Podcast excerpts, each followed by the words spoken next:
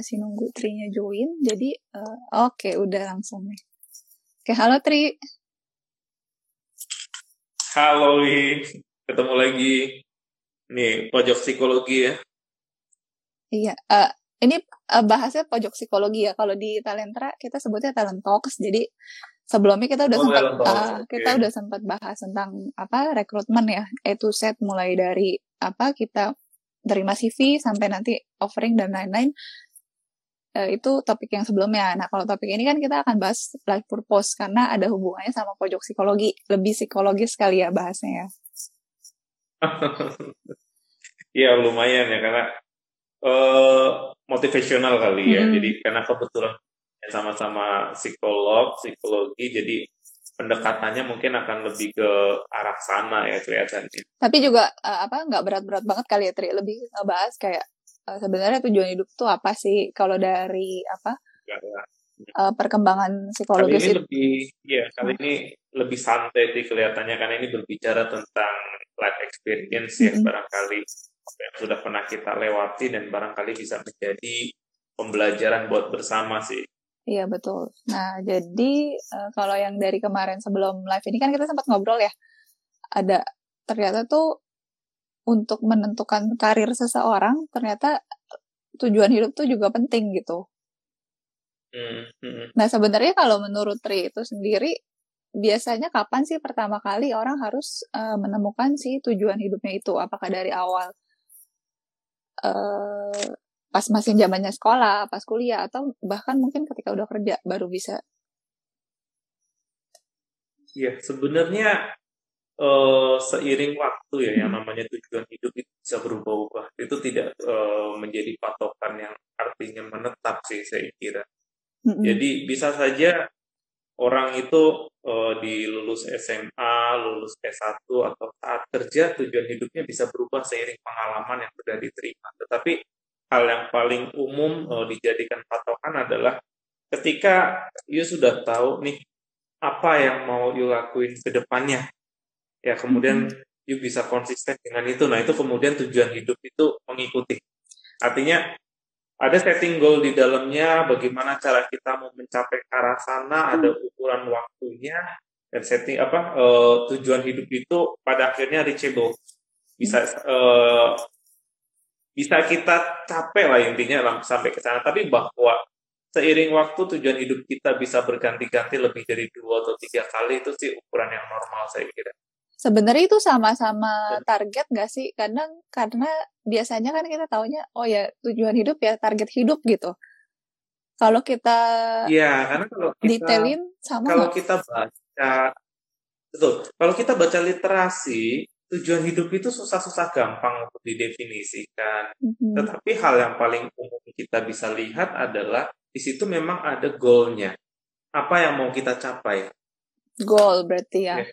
Apa kata kuncinya yeah, goal? Betul. Ada target dan ada cara bagaimana sih kita harus mencapai sana. Karena kan gini, orang bisa saja mengatakan e, saya mau menjadi dokter atau saya mau menjadi tentara atau di umur 30 saya mau jadi orang kaya misalkan hmm. seperti itu.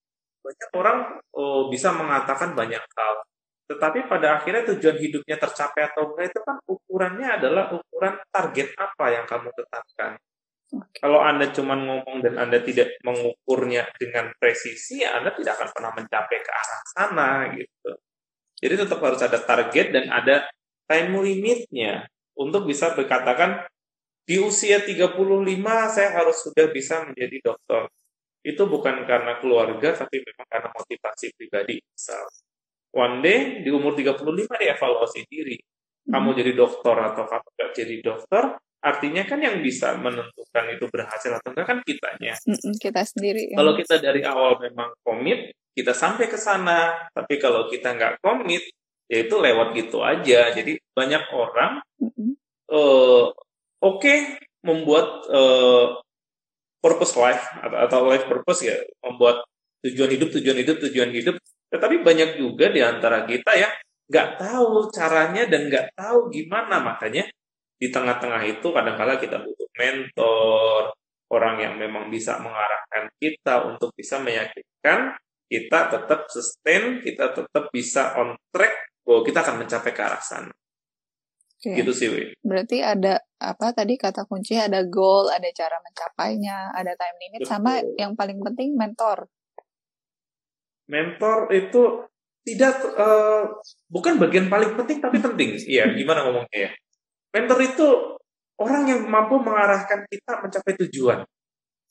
Karena dia udah memiliki asam garam, orang-orang tua mengatakan dia memiliki pengalaman yang lebih luas sehingga kita bisa diarahkan uh, menjadi katakanlah sesuai dengan apa yang kita mau atau ada orang yang lebih tahu kamu harusnya seperti ini. Yuk ikutin uh, saya mau arahin kamu. Karena kalau di perusahaan-perusahaan juga ada kan kelas-kelas mentoring untuk menjadi seorang manajer kelas mentoring menjadi seorang supervisor ya itu di dalam pekerjaan gitu. kalau memang tujuan hidupmu misalkan menjadi manajer misalkan hmm. itu ada juga hal-hal atau poin-poin yang harus kamu raih di titik tertentu untuk mempersiapkan diri menuju ke sana. Iya. Gitu. Nah, itu enggak soalnya saya sempat dengar kayak life purpose uh, ada yang bilang ya life purpose tuh mesti measurable gitu, mesti oh ya kayak tadi kamu bilang mesti bikin timelinenya umur sekian saya mesti capai ini caranya seperti ini. Tapi ada juga beberapa yang kadang suka dengan ya yang harus kita temukan ya purpose-nya kita tuh apa sih? Apakah memang sekadar ngebantu orang itu sebenarnya udah jadi life purpose juga gitu? Uh, ya, karena masing-masing orang sangat variatif. Kata kuncinya kalau kita baca literatur itu, life purpose itu dibentuk, itu bukan ditemukan. Artinya kalau itu dibentuk, itu harus uh, jadi sesuatu yang measurable ya. Dan itu harus jelas gitu. Kalau kamu cuma katakan kalau kalau orang mengatakan uh,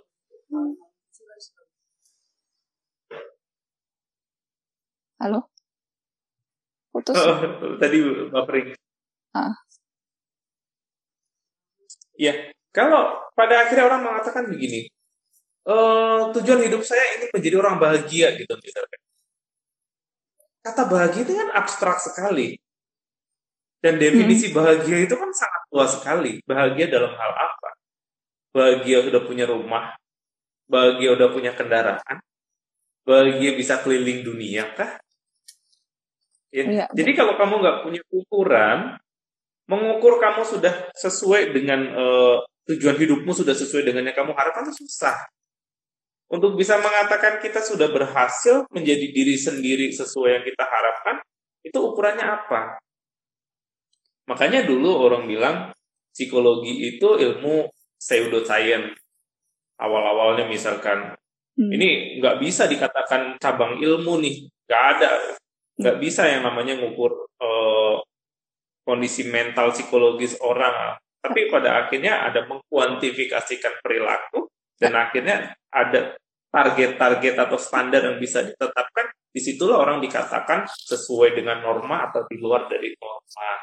Jadi kalau buat saya pribadi, tetap harus ada standar nilainya apa dulu nih untuk mengatakan uh, life purpose kita itu kan at the end-nya apa? Dikatakan yang mau kita capai kita apa itu, gitu ya? Yes gitu. Yang mau dicapai apa?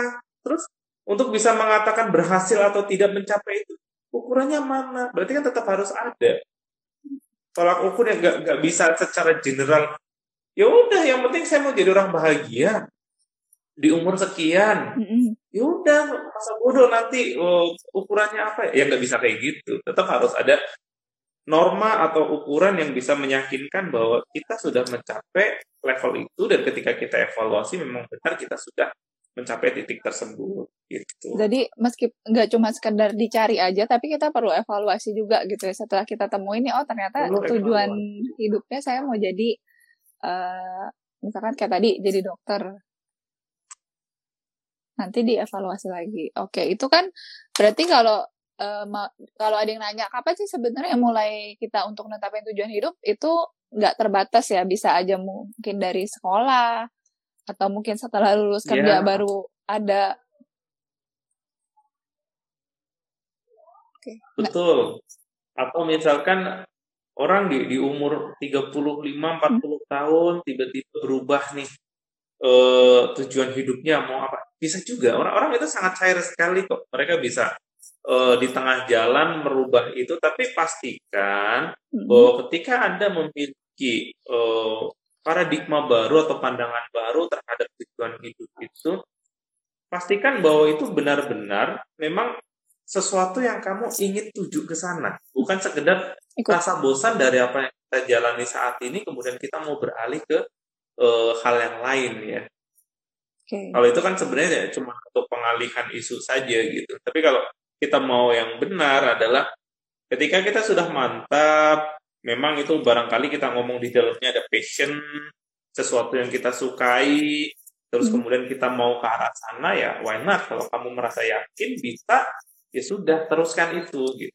Tapi benar gak sih kan kadang kita suka dengar ada quotes yang bilang uh, kalau misalkan apa uh, kita gagal jangan rubah ujungnya, jangan rubah goalnya, tapi rubahlah cara pencapaiannya. Berarti itu benar banget dong ya? Ya, itu betul. Artinya strategi apa yang kita lakukan, kita evaluasi. Hmm. Kalau kita rasa cara ini tidak cocok, gunakan cara lain. Hmm. Tapi jangan rubah tujuan kita.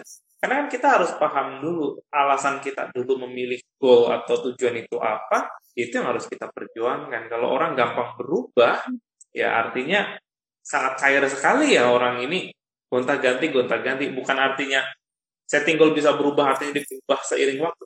No, menyelesaikan satu gol ke gol yang berikutnya itu apa ya ukuran yang normalnya tapi kalau berubah berubah berubah ya itu saya kira kurang oke okay. tapi kalau uh, tujuan hidupnya yang pertama udah tercapai, nih, nih dia rubah betul apalagi ya yang mau kita capai ya oke okay, saya, saya mau pada akhirnya kepikiran ini oke okay, kita jalankan yang itu nah dia bisa fokus nih nggak harus paralel dua gitu. nah caranya biar tetap fokus tuh gimana Tri? Misalnya kita udah untuk bisa mm-hmm. misalnya kita udah netapin, oh uh, saya mau punya tujuan hidupnya, misalkan taruh tadi jadi dokter atau jadi arsitek. Nah caranya biar tetap fokus tuh apa sih? Karena kan yang kita tahu pasti uh, yang namanya pencapaian itu caranya pasti nggak mudah kan, ada turun naiknya. Mungkin tiba-tiba kita gagal terus uh, kita sendirinya hopeless. Nah biar kita tetap fokus untuk tetap mencapainya gimana? Iya, saya kira uh, akan selalu ada dua hal uh, ketika kita menetapkan uh, life purpose itu nggak hmm. jauh-jauh dari passion sama bakat yang kita miliki. Ya, atau sesuatu yang, yang yang memang itu sesuai dengan karakter kita. Ya, kalau kita bisa menjalankan itu bukan sekedar karena pengen coba-coba, tapi memang benar-benar datangnya dari passion dan datangnya dari uh, bakat yang kita punya itu untuk kontrolnya jauh lebih mudah itu yang pertama. Yang kedua, untuk bisa fokus untuk mencapai ke arah sana, saya kira itu harus ada motivasi, motivasi. baik internal maupun eksternal. Itu yang harus ditambahin. Artinya, finding your inner motivation maupun external motivation yang itu bisa mendukung untuk mencapai tujuan atau uh, uh, life purpose yang uh, tadi kita diskusikan itu. Agak bapering ya? Enggak sih, udah udah enggak. Tadi sempat sebentar. Hmm. Oke, jadi uh, tetap kita mesti punya motivasi juga gitu, baik internal atau eksternal ya. Nah biasanya motivasi inter internal itu apa, eksternal itu apa? Boleh diceritain? Ya kalau motivasi internal itu barangkali kan e, bisa berangkat karena faktor apa sih yang membuat kita mau mencapai tujuan itu dari internal kita katakanlah bisa karena memang faktor pribadi ada hal yang mau kita capai kedua faktor keluarga ya katakanlah itu e, saya nggak tahu keluarga masuk dalam eksternal atau internal tapi maksudnya e, keluarga yang mendorong katakanlah kita untuk mencapai tujuan sana bahwa nanti pekerjaan atau lingkungan uh, sangat varian membantu kita mencapai atau kita pengen memiliki pengakuan, barangkali juga bisa dijadikan dasar untuk motivasi kita menuju atau mencapai posisi itu. Oke, jadi keluarga juga penting ya. Nah, kalau dari eksternal sendiri selain ini kalau keluarga sih bisa internal, bisa eksternal sih ya. Tapi kalau dari hmm. sisi eksternal tuh mungkin bisa jadi lingkungan kerjanya kita gitu ya.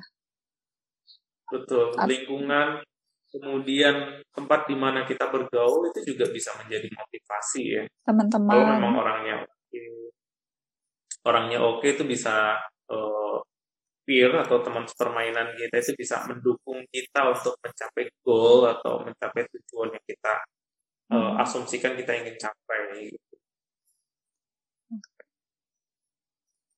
Selain motivasi ini, bisa juga uh, mungkin pembelajaran bisa nggak sih Tri? Jadi ketika mungkin waktu waktu itu kita sudah sempat gagal atau apa, untuk biar kita tetap mau fokus capai itu, mau usaha lagi biar biar tercapai lah. Itu pembelajaran itu juga penting nggak?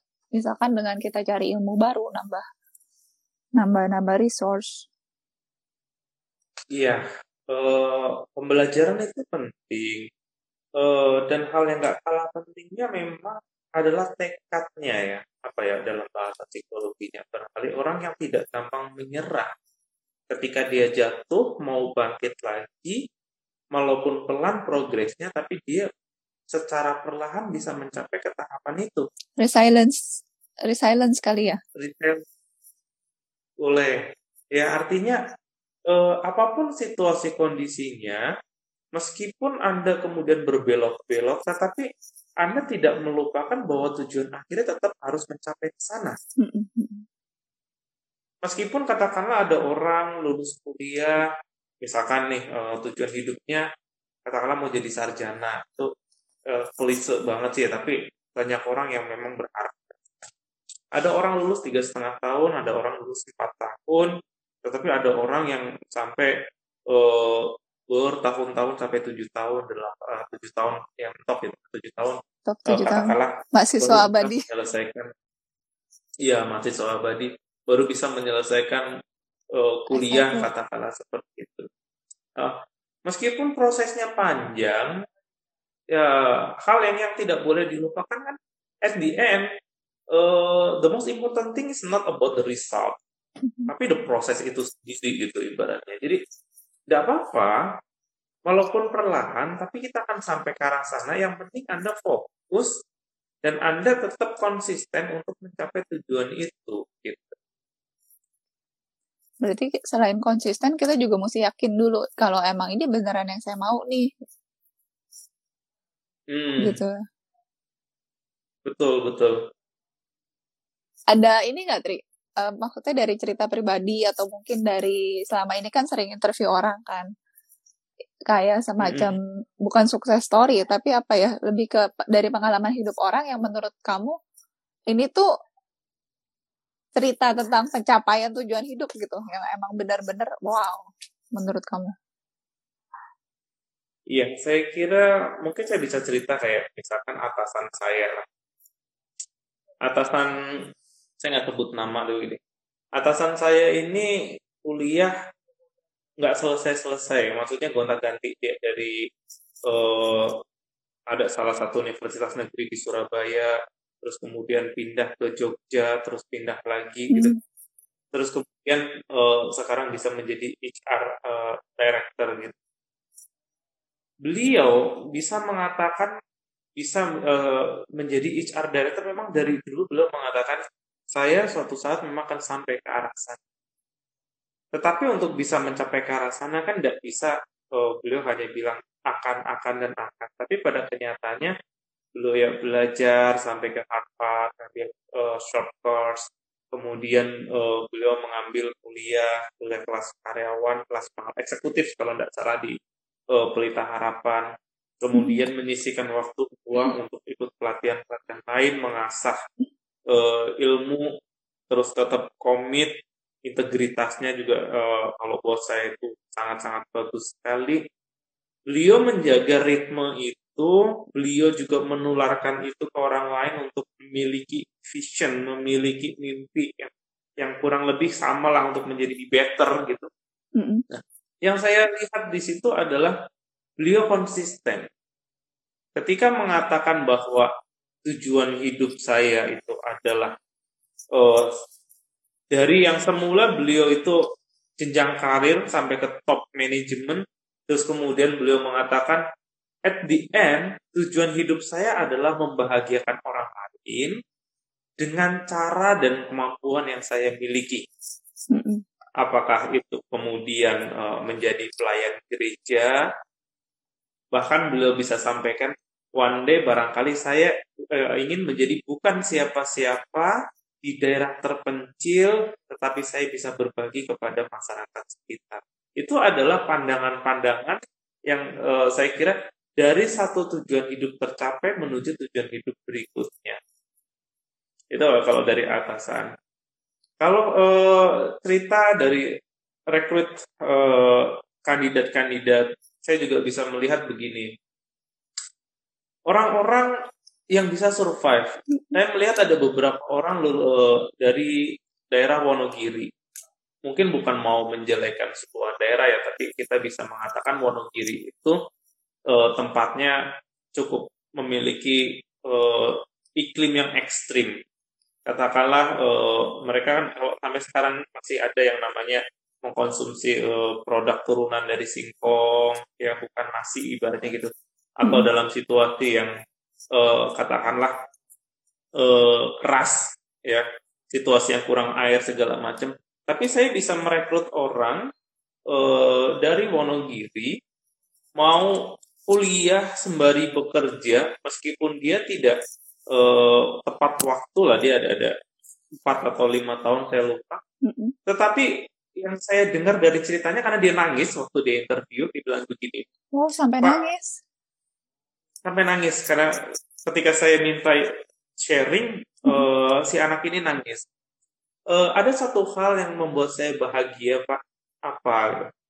Uh, saya bisa menjadi seorang sarjana. Gimana? Ya untuk di wilayah kampung saya menjadi sarjana itu adalah impian yang sulit dicapai oleh uh, masyarakat di sana. Mm. Tetapi saya bisa membuktikan diri saya keluar dari kampung, saya ke Jakarta, saya memang sudah uh, mengatakan pada diri saya sendiri saya harus menjadi seorang sarjana. Nah, ketika dia mencapai derajat sarjana itu, kan tujuan hidup dia tercapai nih di satu sisi, dan dia bangga. Nangis itu adalah ekspresinya dia bahwa dia itu akhirnya mencapai bisa mengatakan betul Bapak harus tahu kerja keras saya untuk mencapai derajat sarjana. Bapak harus tahu bagaimana saya bangga, bagaimana uh, orang tua saya bangga dengan apa yang saya raih. Bayangkan ketika ada orang interview di depan uh, kita dengan cerita seperti itu dan air matanya keluar. Gak usah ngomong panjang lebar, saya terima. Misalkan kayak gitu ya. Uh, Jadi usahanya udah kelihatan ada hal -hal, gitu ya. Betul, ada hal-hal yang kita ketulusannya, dignity-nya, hal-hal yang membuat kita itu trust, yakin bahwa you are the best for this position. Oke, okay. Uh, dari cerita kamu saya juga bisa menangkap bahwa apa yang kamu sampaikan itu, saya kira itu juga menjadi pancaran apa yang dulu pernah kita lakukan. Karena kan kita dengan mereka generasi ya, kita udah udah uh, karena generasi yang saat ini menikmati posisi, mereka kan baru akan mencari posisi. Baru kita pernah di posisi mereka ketika bagaimana kita harus berjuang untuk mencapai mimpi kita. Ketika kita melihat orang lain, yang orang itu sedang berjuang untuk menanti, kita bisa sampaikan, kamu harus temukan tujuan uh, berikutnya apa yang mau kamu capai kalau kamu masih muda, apakah kamu nabung, nanti kamu S2 kelas karyawan, atau kamu mau melanjutkan apa lagi, jangan putus harapan di satu momen yang sudah kamu dapatkan. Kamu harus memiliki harapan baru, yang saya nggak tahu itu apa, tapi jadikan itu uh, sesuatu yang membuat kamu tidak apa namanya menyesal ketika kamu sudah melewatinya. Jadi ini sebenarnya balik lagi ke bahasan kita tadi ya. Sebenarnya tujuan hidup itu bisa ditemuin kapan aja gitu, nggak mesti pas kita masih sekolah atau masih kuliah. Cuman ketika yeah. kita udah capai satu tujuan, kita bisa nemuin tujuan tujuan berikutnya gitu. The next purpose. Iya. Iya, hmm. karena ya itu balik lagi tujuan hidup nggak boleh abstrak. Nggak boleh abstrak. Mau mengatakan tujuan hidup uh, menjadi orang bahagia itu sangat general banget. Itu sulit untuk didefinisikan. Tujuan hidup mau membahagiakan orang tua itu sangat-sangat apa ya namanya membingungkan untuk untuk kita bisa mengatakan terus ya dikatakan berhasil model kayak gimana enggak tujuan hidup itu harus measurable ya balik lagi ke bahasan di awal ya artinya itu harus bisa diukur nah patokannya apa nah itu yang yang untuk model kita untuk mencapai ke arah sana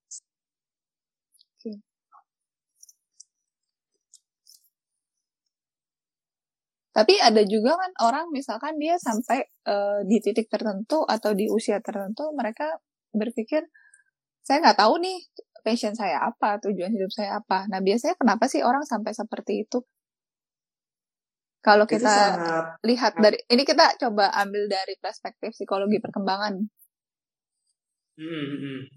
Ya, uh, makanya kenapa di dalam hidup itu oh, dalam psikologi orang bisa mengatakan imitasi kita meniru orang lain mm-hmm. atau mentor itu penting ya karena selain kita barangkali mentok nggak ngerti apa yang mau kita lakukan ke depannya kita juga bisa bergantung ke orang lain yang bisa kita percaya yang bisa membantu mengarahkan kita ke hidup yang lebih baik tapi bukan berarti kemudian kok ada orang yang sudah uh, usia 25 26 tahun hmm. nggak ngerti mau ngapain ya.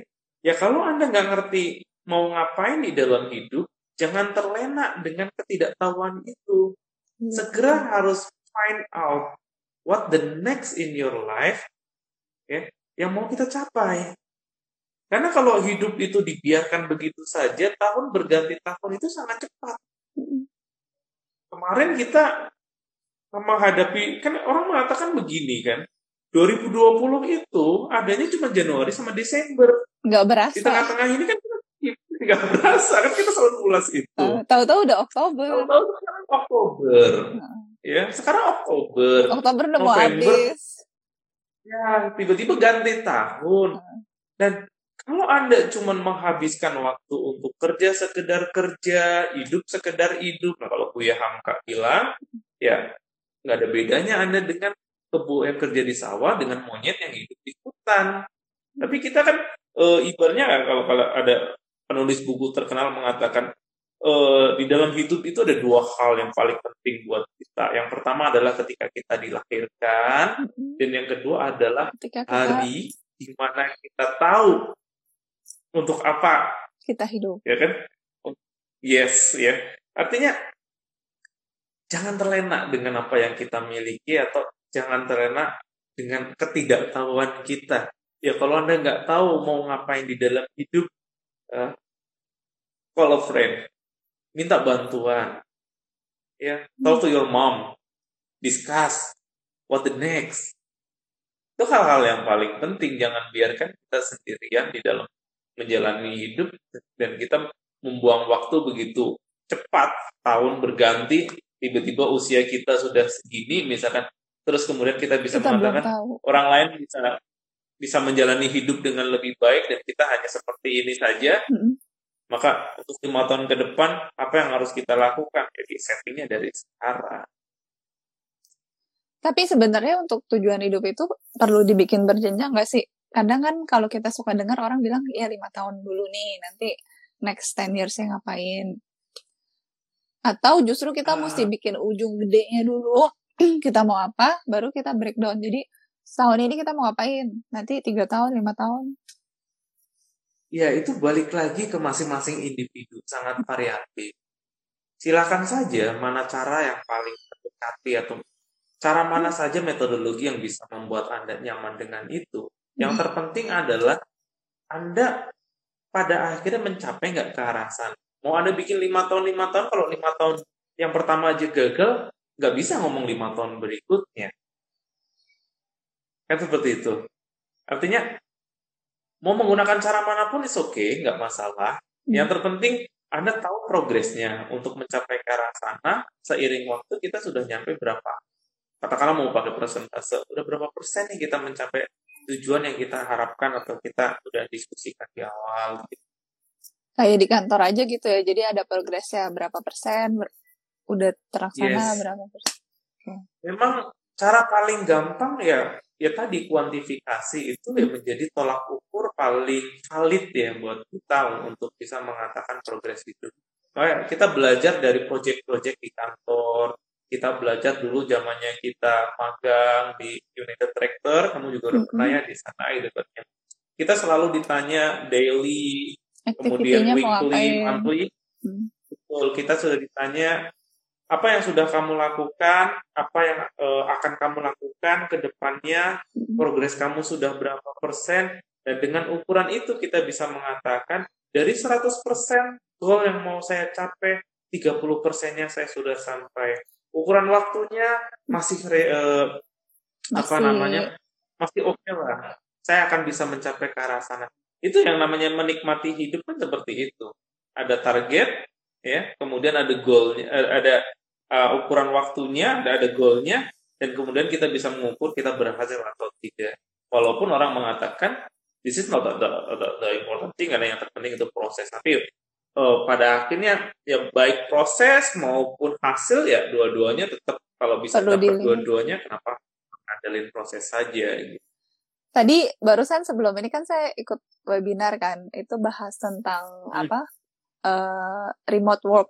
Jadi ketika zaman dulu kita di kan apa yang masih full kerja di kantor itu kan benar-benar kita kalau kita kerja pas resultnya belum ada nih, tapi kan atasan kita bisa lihat prosesnya seperti apa sih. Kita sampai lembur-lembur, kita sampai muka udah kusut. Tapi ketika uh. ketika mau ngegolin hasil ternyata belum berhasil, itu prosesnya kita tetap dinilai kan.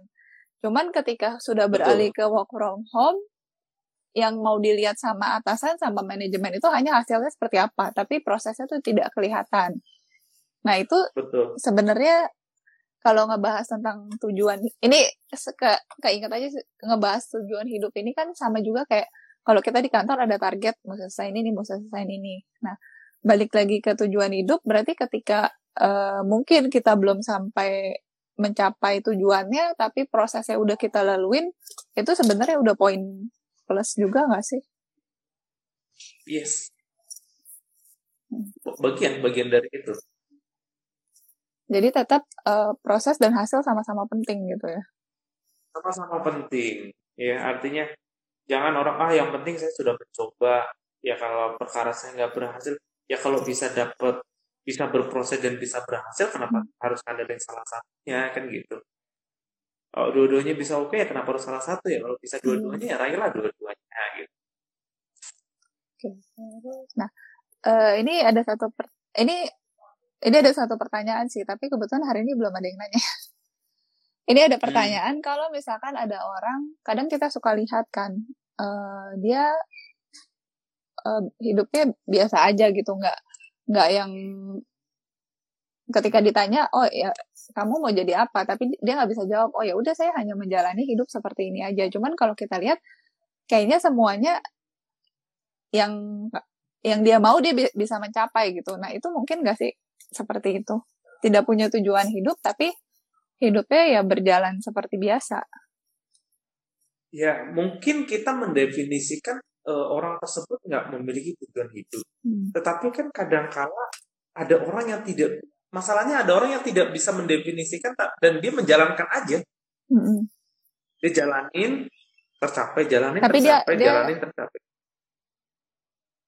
tapi dia tidak berusaha yeah. mencari, dia hanya menjalani apa yang diberikan hidup sama dia gitu kan.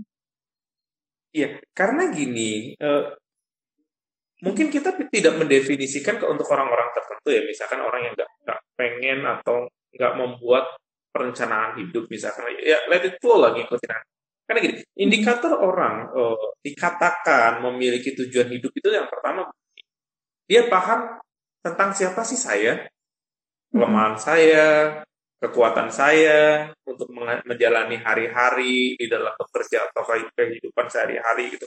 Dia dia memahami dirinya sendiri. Yang kedua, ya orang ini tentunya harus memiliki value. Value artinya kan sesuatu yang penting yang harus kita jaga, yang kita tidak boleh eh, katakanlah keluar dari nilai-nilai yang kita pegang. Kan itu. Dan yang ketiga ya, uh, kalau orang ini memandang dirinya ber, apa, udah bermakna, kemudian dia itu memahami dirinya sendiri dan dia punya value, ya. meskipun dia tidak menyiapkan atau membuat setting goal, orang ini tetap bisa produktif, menjalankan kehidupan sehari-hari yang tadi kamu sampaikan itu. Menjalankan kehidupannya sehari-hari katakanlah, dia bisa mencapai yang katakanlah, ya memang dia nggak nggak nggak tujukan ke arah sana, tapi dia bisa lolos, menyelesaikan pekerjaan, mencapai apa yang ya, satu demi satu dia satu demi satu dia lewatin gitu ya. Iya. Tapi kan artinya dia bila katakanlah dia mau punya rumah eh tercapai punya rumah. Mm. Dia mau punya mobil ternyata punya mobil.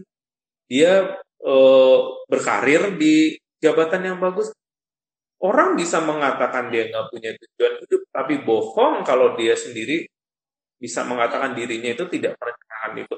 Semua hal yang dia capai atau setiap orang capai pasti karena seseorang itu memiliki perencanaan. Mm-hmm. Kan nggak ada orang tiba-tiba lulus S1 jadi manajer. Kan nggak mungkin. Ada proses Terus pelan-pelan, Betul pelan-pelan ikut pelatihan, seiring waktu pengalamannya meningkat. Uh. Kan orang menilai bahwa dia layak karena seiring waktu proses itu yang membuat dia terbentuk menjadi pribadi yang layak untuk posisi tersebut. Oh, bahwa dia mengatakan, ah, saya nggak memiliki tujuan bahwa saya suatu saat menjadi manajer. Tapi orang lain bisa menilai bahwa kamu memiliki apa ya ibaratnya ya kayak apa yang sudah kamu lalui itu membuat kamu mencapai pada titik itu pada akhirnya gitu loh.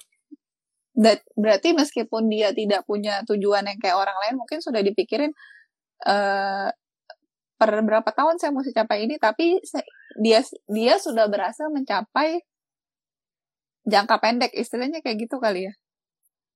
Dia nggak berpikir oh, tujuan jangka panjang untuk jangka hidupnya, tapi uh, tujuan betul. tujuan demi itu tujuan kayak, Iya, kalau kalau dalam psikologi saya lupa uh, psikologi humanis uh, saya lupa ininya siapa tapi ini gini hmm. kebermanaan hidup kalau kamu merasa bahwa hidup itu penting hidup itu uh, apa ibaratnya hidup saat ini gitu loh artinya bukan di masa lalu bukan di masa depan kalau kamu bisa menjalani hidup sebaik mungkin di saat ini uh, ketika kamu hidup mm -hmm. one day ya hal-hal baik itu akan mendekat. Nah, orang mungkin ya tipikal yang ini adalah tipikal yang adalah saya nggak mau muluk-muluk mm -mm. mengatakan harus begini, begitu, begini. Tapi dia menjalani hidupnya dengan sebaik mungkin dan kesempatan itu datang. Dan itu yang masalahnya. Kesempatan itu tidak datang ke setiap orang di waktu dan te uh, di waktu dan, dan tempat, tempat yang tepat, tepat. itu poinnya. Uh. Betul. Okay. Jadi kayak kayak hanya persentase kecil orang yang tidak mengharapkan sesuatu dan dia dapat. Oke, ini uh, kita kayak tinggal 15 menit lagi. Kita rangkum aja kali ya dari keren, keren. dari awal tadi kan kita jam 5. Hah? Jam 5 ada ada webinar lagi. Iya, lanjutan. Oke. Okay. Enggak ya, uh, yang ini sih sebenarnya ini sih apa? Cuman sebentar. Harusnya udah mulai dari jam 4, tapi jadi nyusul. Oh, dijemput. Oke, kita rangkum okay, aja. Jadi hmm. kalau tadi dari awal kan kita bilang sebenarnya tujuan hidup itu ya mesti kita cari gitu, nggak bisa yang tiba-tiba datang, oh ya, ya udah, uh, lu tujuan hidupnya ini, tapi mesti dicari sendiri, bener gitu kan? Betul. Nah terus dari lebih bagus seperti itu, hmm. bahwa sebagian kecil orang let it go, apa let it flow aja ngikutin arus, tetapi cara itu bukan cara yang bisa diikuti semua orang. Secara general, setiap orang tetap harus menetapkan tujuan. Secara general. Karena yang tadi... Karena itu membantu kita. Yang tadi kamu bilang juga, yang tentang kebermaknaan itu, karena dengan kita punya tujuan hidup, hidup kita bisa jadi lebih bermakna. That's right. Nah, terus uh, cara tadi juga sempat dibahas kalau untuk nggak cuma sekedar netapin aja targetnya eh, tujuannya apa tapi kita juga perlu tahu itu mau mengukurnya seperti apa cara mencapai seperti apa. Iya Dan, lah. Hmm. dan yang paling penting ada time limit dan kita juga bisa uh, apa nggak kita juga bisa nyari orang-orang yang bisa jadi mentor kita betul kalau anda orang uh, katakanlah dari background teknik industri maupun yang sudah bekerja di setiap perusahaan anda paham betul yang namanya target mm-hmm. waktu untuk bisa mencapai ke arah sana dan evaluasi kita berhasil atau tidak di dalam mencapai itu itu ukuran yang sangat general untuk membantu kita di dalam mencapai tujuan hidup. Oke. Okay.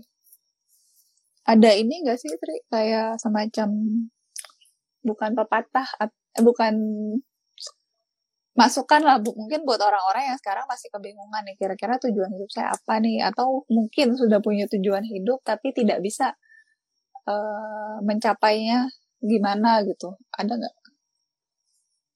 Ya kalau buat saya sih yang sampai saat ini masih dipegang begitu. Kita hidup satu kali, tidak hmm. untuk menyesali apa yang sudah terjadi, hmm. tetapi kita punya kesempatan untuk merubah hidup atau masa depan kita.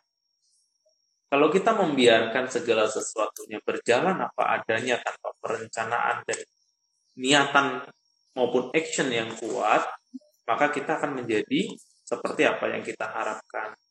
Tetapi kalau kita kemudian mau berjuang lebih sakit sedikit, lebih tidak enak sedikit, orang lain santai, barangkali kita punya extra effort, ya.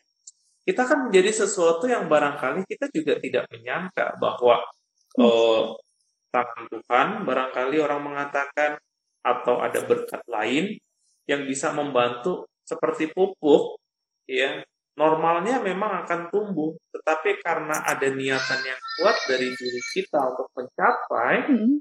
kemudian tumbuh itu menjadi lebih, katakanlah lebih better, lebih bagus untuk sesuatu yang kita nggak pangka sangka, tapi itu bonus lah.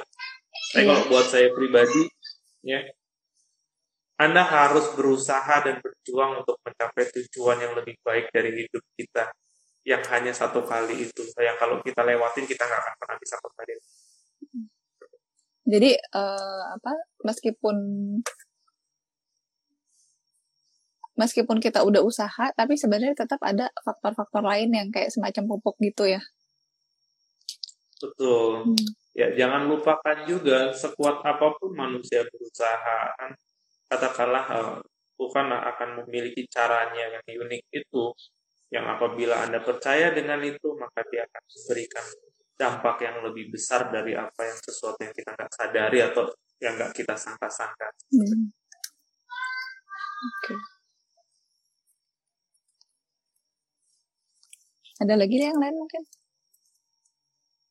Um, saya kira cukup. Oke, okay, ya, uh, Sebenarnya tadi saya sempat lihat sedikit tentang apa yang oh. HR retail sama Tri Life kan. Iya.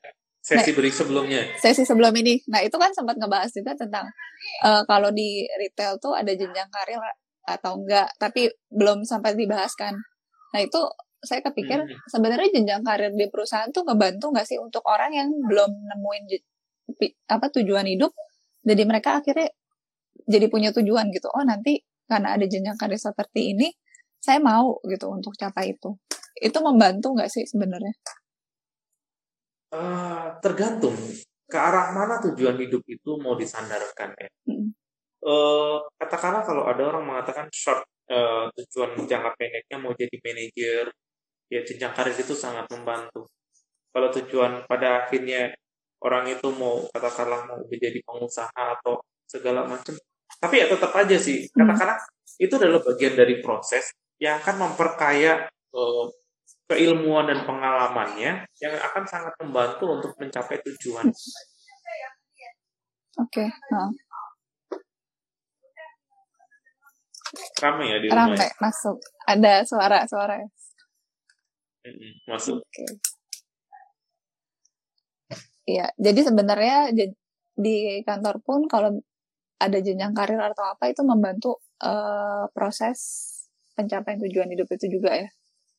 Jadi yeah. mungkin untuk orang yang untuk orang yang sudah punya tujuan hidup itu uh, itu itu nggak gitu masalah buat mereka tapi buat mereka yang ketika pas masuk kantor kalau yang kita tahu milenial sekarang itu kan banyak yang kayaknya ya udah kuliah hanya sekadar ikutin orang tua gitu nah ketika mereka hmm. masuk ke satu perusahaan dan perusahaan itu ada jenjang karir atau apa itu membantu mereka untuk kayak semacam uh, memahami sebenarnya tujuan hidup mereka tuh apa gitu apakah memang kerja di iya. kantor yeah. itu yang mereka mau atau bukan Iya, seiring waktu uh, ketika orang itu terpapar dengan dunia bekerja, nanti cara mencapai tujuan atau cara find out tujuan hidup itu seiring waktu mereka akan sampai ke arah sana.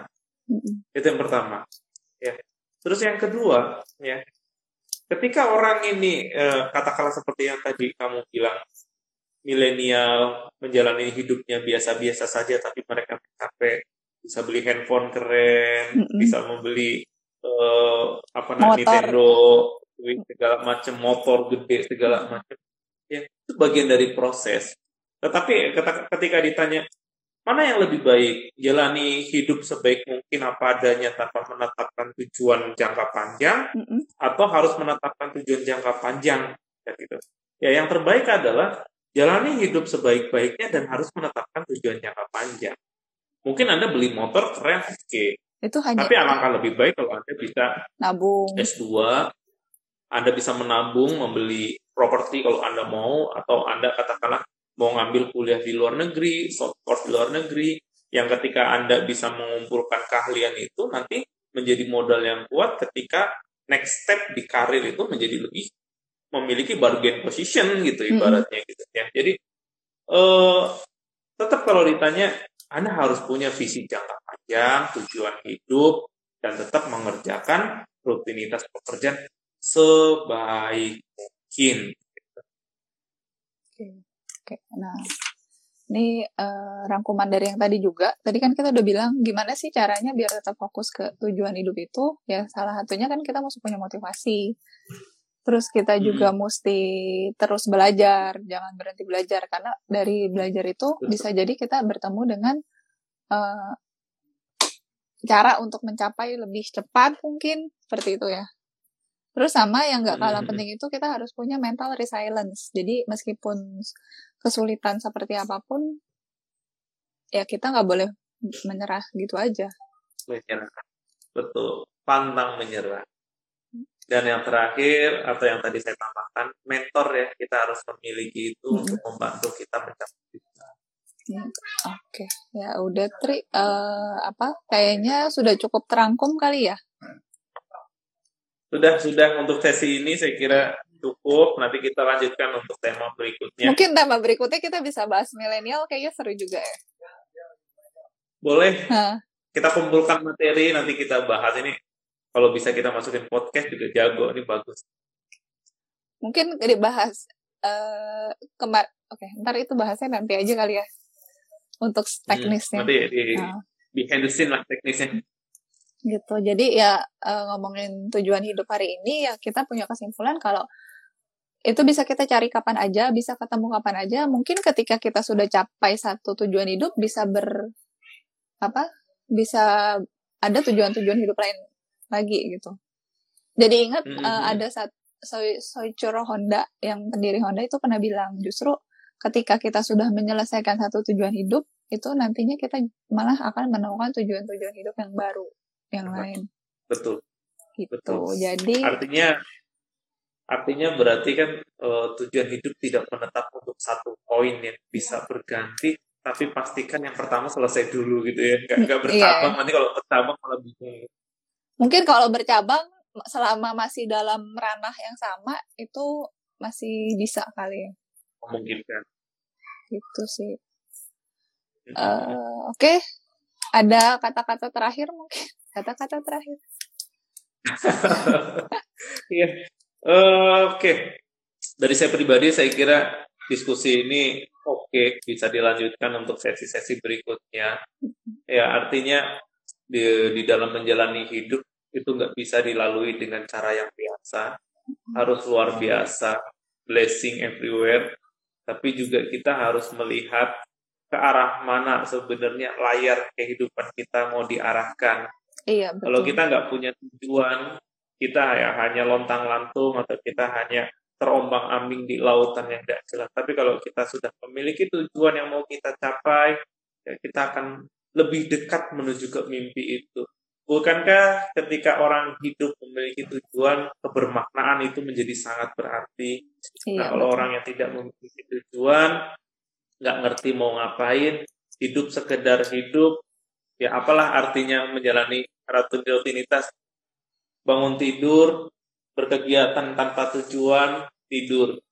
Foya-foya, tidur, foya-foya, tidur. Tapi kalau ada orang yang memiliki tujuan, mau jadi sarjana, mau katakanlah e, menjadi manajer pada akhirnya, orang-orang ini pasti meluangkan waktu sedikit, mau bersusah-susah sedikit, melakukan hal-hal yang nggak biasa dilakuin. Betul, orang lain tidur dia barangkali oh, tetap terjaga untuk melakukan sesuatu.